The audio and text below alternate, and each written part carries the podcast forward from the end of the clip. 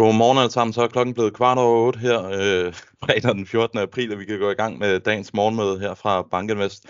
Først og fremmest så skal det lige siges, at jeg kommer til at give en meget kort opdatering på markedet, og så vil jeg overlade ordet til Jakob Brubæk Holm og til Jakob Vejlø, som vil moderere det her indlæg, hvor vi kommer til at få lidt fokus på kunstig intelligens. Men inden vi går i gang med det, jamen, så kan vi lige snakke, øh, eller give en hurtig status på, hvad der skete på de finansielle markeder i går.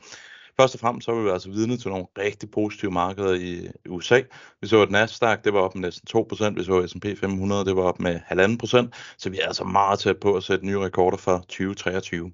Det ser ud til, at positionering det er den primære katalysator på gårdsdagens rally. Der var ikke de helt store nyheder, hvis vi hvis vi skal være ærlige, så det er altså nok folk, der begynder at lukke ned deres kortpositioner eller deres undervægt til aktier, og det er altså det, der driver markederne højere. Så så vi, at jobless claims det forbliver på relativt høje niveauer, så vi ser altså, at det amerikanske arbejdsmarked lige så langsomt begynder at bløde op og begynder at afspejle den stramning af, de, af pengepolitikken, som vi har set op igennem 2022. Vi fik også øh, producentpriser for USA. De faldt relativt kraftigt, og det bekræfter altså bare det her billede af et inflationsspøgelse, som lige så langsomt er på vej væk. Endelig så kan vi konstatere, at rentevolatiliteten den er meget kraftigt på vej ned. Jeg har en graf med på det, og det er altså en konsekvens af, at vi har fået så meget stabilitet omkring forventningerne til den amerikanske centralbank.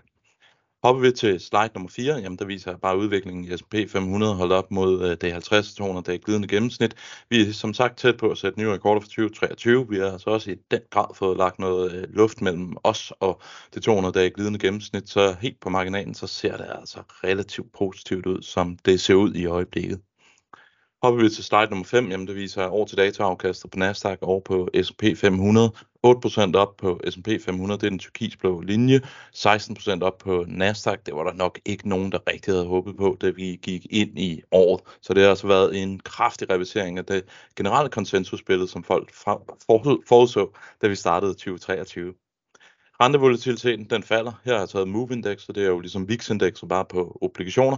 Nu er vi på 120, det er altså efter vi var oppe i næsten 200 basispunkter, der var aller værst op igennem marts måned her i år. Så vi begynder altså at se, som sagt, en rentevolatilitet, der lige så langsomt begynder at kravle nedad. Producentpriser, det falder relativt kraftigt. På en årlig basis, jamen, så er de altså stedet 3,4 procent.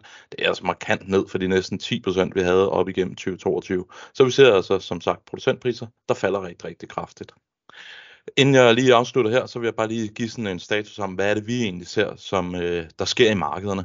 Det her, det lugter gevaldigt meget af short squeeze, som vi er vidne til i øjeblikket. Der er rigtig mange af de store London-banker, der er ude med positioneringsindikator, og de er alle sammen enige om, at markedet generelt ligger relativt kort aktier, så det begynder altså at gøre ondt for, for hedgefonde eksempelvis, som i den grad har shortet S&P 500 heroppe igennem 2023 det ekstremt usikre makromiljø, det gør det altså svært for de her fundamentale investorer at købe ind i aktier. Det er altså svært sådan rigtigt øh, på en fundamental basis at argumentere for, at nu skal man altså til at købe aktier, når vi altså stadigvæk har så stor en recessionsrisiko i øjeblikket. Så det betyder altså, at vi har igen nogle fundamentale investorer, som stadigvæk står på sidelinjen, sådan som vi tolker det. Og så i takt med at presset på Fed det aftager, jamen så er det altså det, der er grunden til, at vi ser de her meget, meget kraftige stigninger i Big Tech, Apple, øh, Microsoft, øh, Amazon-aktierne, som alle sammen ligger rigtig, rigtig pænt til i 2023. Samlet set, så er det altså et markedsdynamik, og det er jeg sikker på, at jeg alle sammen er bevidst om, som går 100% imod det, som var konsensus, da vi startede over. Og vi tror altså, det er det, som ligger og driver markederne højere i øjeblikket. Her for morgenstunden, hvad kommer det til at være fokus på i dag? Jamen det er regnskabet, vi får nogle af de første bankregnskaber fra USA, så får vi en del